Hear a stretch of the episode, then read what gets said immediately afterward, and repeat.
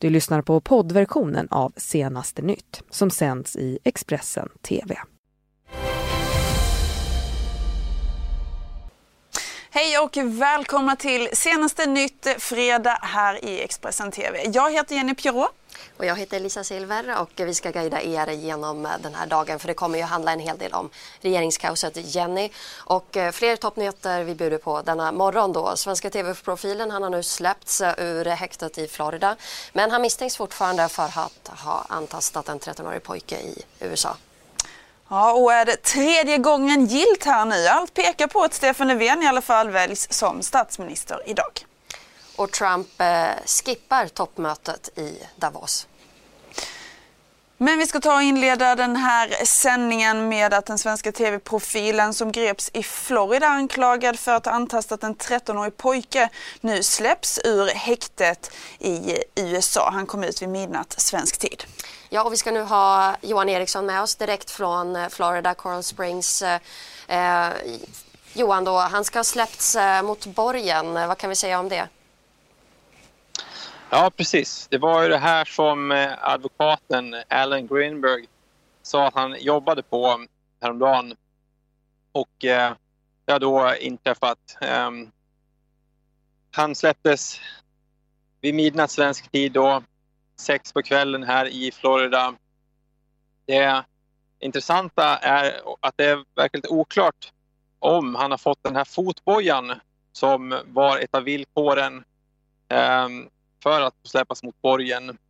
När jag pratade med det då som är Sheriff's Office så fanns det inga uppgifter i de eh, papperna vid utsläppandet om det, att han skulle ha någon fotboja.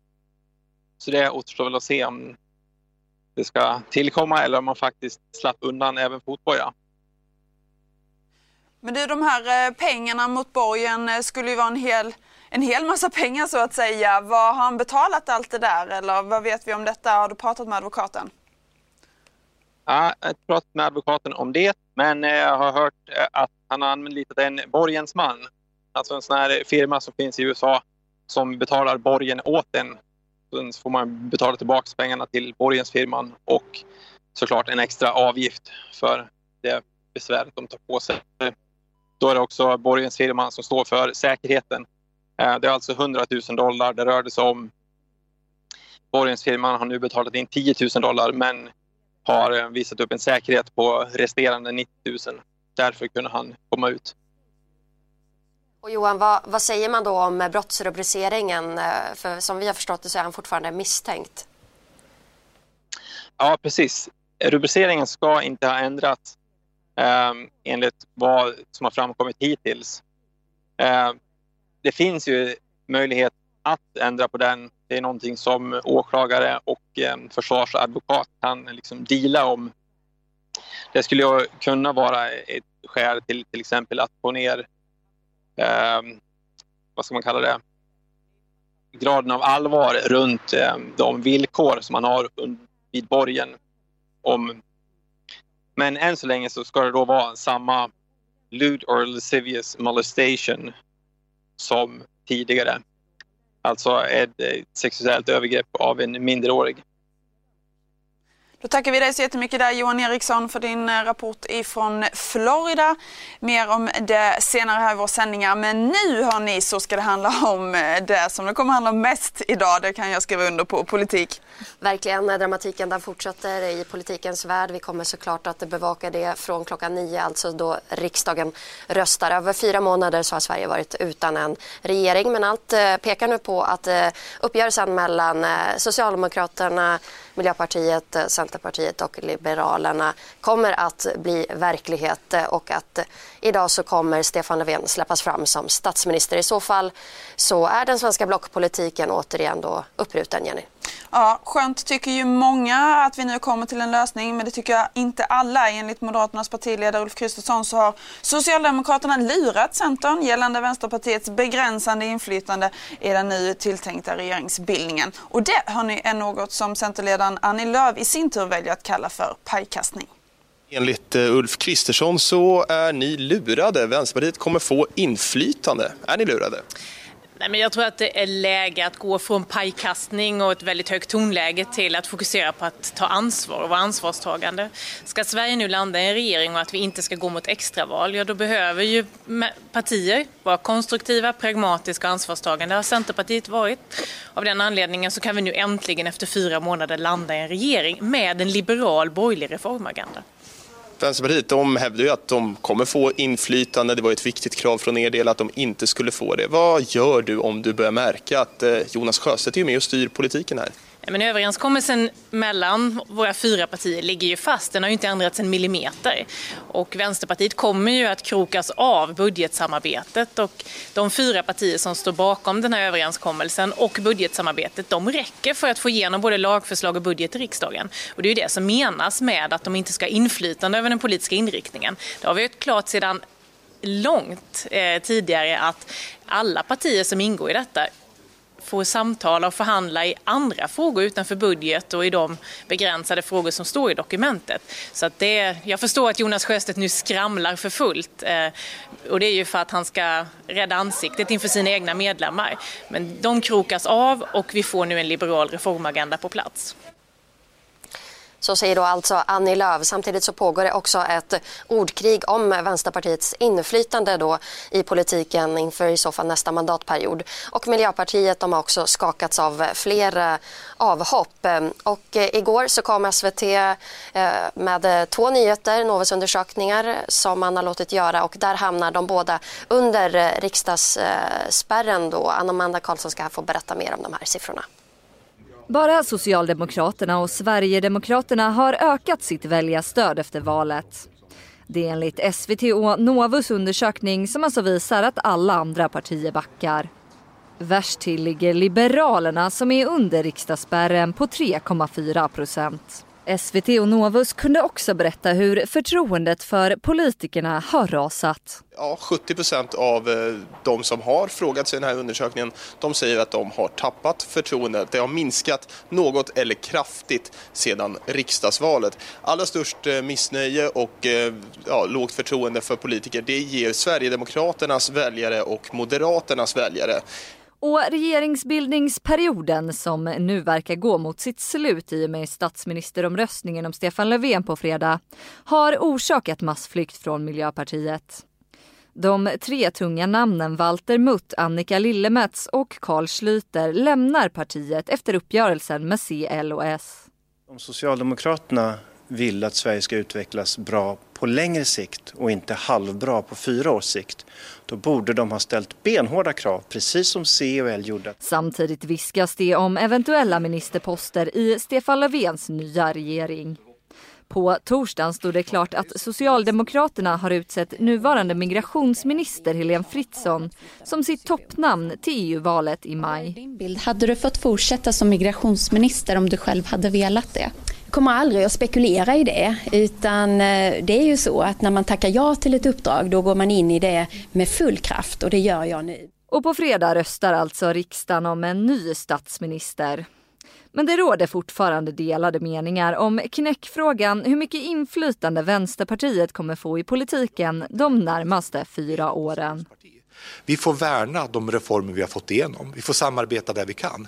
Men vi tänker sänka del efter del av överenskommelsen. Vi tänker bekämpa högerpolitiken. Det blir vår stora uppgift. Jag förstår att Jonas Sjöstedt nu skramlar för fullt eh, och det är ju för att han ska rädda ansiktet inför sina egna medlemmar. Men de krokas av och vi får nu en liberal reformagenda på plats. Och i slutet där så hörde vi vänsterpartiledare Jonas Sjöstedt och centerledaren Annie Lööf. Och det är ju inte bara politik i Sverige som svänger en hel del, det är också i Norge. Förhandlingarna om en ny regering där är i alla fall klara nu. När Kristelig Folkeparti, alltså KRF, eh, också kommer in i koalitionen så får nu då statsminister Anna Solbergs regering en egen majoritet i Stortinget. Förhandlingarna mellan partiledningarna drog ut på tiden efter motsättningar om bland annat miljö och abort lagstiftning. Ja, och eh, nu ska det handla om deklaration för det börjar närma sig. Man ska snart eh, lämna in den och eh, vi har listat eh, några tips från experten om hur du ska tänka inför det.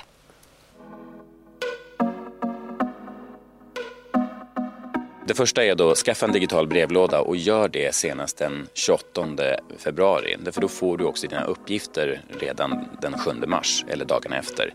Så att första tipset, skaffa en digital brevlåda och andra tipset, kolla uppgifterna när de kommer. För de allra flesta så går det jättesnabbt men det är viktigt att upptäcka det tidigt så att man också hinner korrigera det i tid.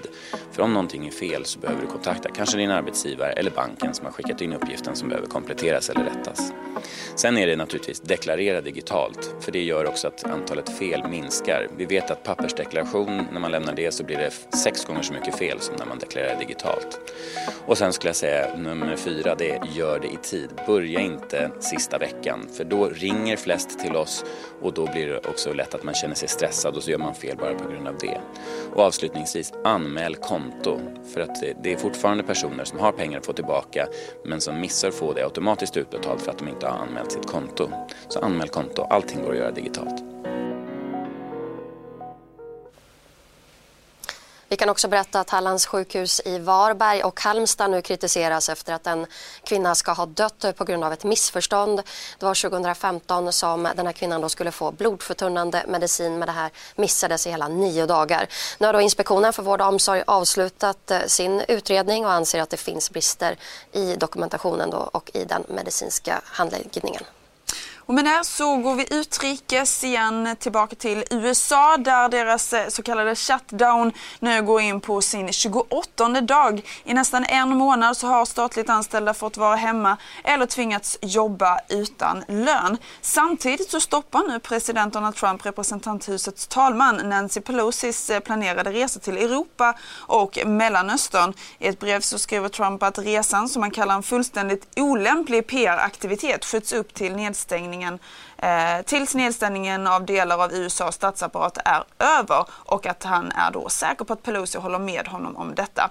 Beskedet kommer alltså dagen efter det att Pelosi uppmanade Trump att skjuta på sitt årliga tal till nationen, också det på grund av nedstängningen. Vår USA-korrespondent Thomas Kvarnkullen rapporterar från Washington DC.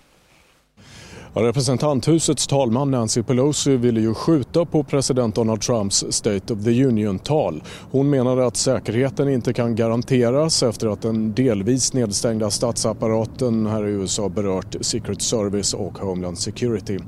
Nu har president Donald Trump gett svar på tal. I ett brev till Pelosi meddelade presidenten att hennes resa med ett av de amerikanska regeringsflygplanen måste skjutas upp. Istället uppmanade Trump Pelosi att flyga kommersiellt till till Bryssel, Egypten och Afghanistan dit hon skulle åka med ett militärt eh, flygplan under torsdagen. Presidentens agerande har eh, väckt eh, kritik både från demokratiskt och republikanskt håll. Donald Trump kallas barnslig bland annat. Men kritiken gäller också att han faktiskt avslöjade att talmannen skulle resa till en konfliktzon, något som alltid hålls hemligt av säkerhetsskäl. Myndighetsnedstängningen här i USA har ju orsakats av att presidenten inte fått pengar till den mur han vill bygga mot Mexiko i eh, förhandlingarna med Demokraterna. Dödläget är nu inne på dag 27. Det är den historiskt längsta nedstängningen och inget tyder ännu på att en lösning skulle vara i sikte. Nu ska det handla om en man i Färgelanda som döms till eh, fängelse i två år och åtta månader för bland annat ett eh, hembyggt automatvapen. Mannen greps efter att han eh, drogpåverkad kört bil i hög hastighet och en patron hittades i hans ficka. Polisen gjorde då en husrannsakan i hans hem där automatvapnet hittades. Mannen döms nu för flera trafikbrott, narkotikabrott och grovt vapenbrott. Tusentals elever i Sverige går hemlösa. Den nya gymnasielagen ger en chans för ensamkommande att studera men garanterar däremot ingen bostad. Vi kommer nu här få träffa Morteza som kommer från Afghanistan och som bor utan el och värme i en husvagn i Malmö. Den 1 juli 2018 trädde den nya gymnasielagen i kraft. Tanken var att den skulle bli en ny chans för tusentals afghaner som vill studera. Mellan juli och den 30 september kunde ensamkommande som fått avslag på sin asylansökan och som väntat i mer än 15 månader på beslut ansöka om tillfälligt uppehållstillstånd för att studera. Trots hård kritik drevs lagen igenom av regeringen tillsammans med Vänsterpartiet och Centerpartiet. En av dem som tagit chansen är Mortesa. Uh, Hej, jag heter Morteza Vignadi och jag kommer från Afghanistan. Uh, eh, och, uh, jag är 18 år gammal och jag bor i en husvagn just nu. Och jag bodde där sedan mars månad med mina kompis. Hela historien om Mortesa tar ni del av eh, på Kvällspostens hemsida och på Expressen.se naturligtvis. Här i studion så kommer vi att fortsätta hålla uppdaterade om allt inom nyheter men också politik, eller hur Lisa? Det kommer vi såklart. Du har lyssnat på poddversionen av Senaste nytt. Alla Expressens poddar och program hittar du på Expressen.se och i Expressen TV. Ansvarig utgivare är Thomas Mattsson. Ett poddtips från Podplay. I fallen jag aldrig glömmer djupdyker Hasse Aro i arbetet bakom några av Sveriges mest uppseendeväckande brottsutredningar. Går vi in med hemlig telefonavlyssning och, och då upplever vi att vi får en total förändring av hans beteende. Vad är det som händer nu? Vem är det som läcker? Och så säger han att jag är kriminell, jag har varit kriminell i hela mitt liv men att mörda ett barn, där går min gräns.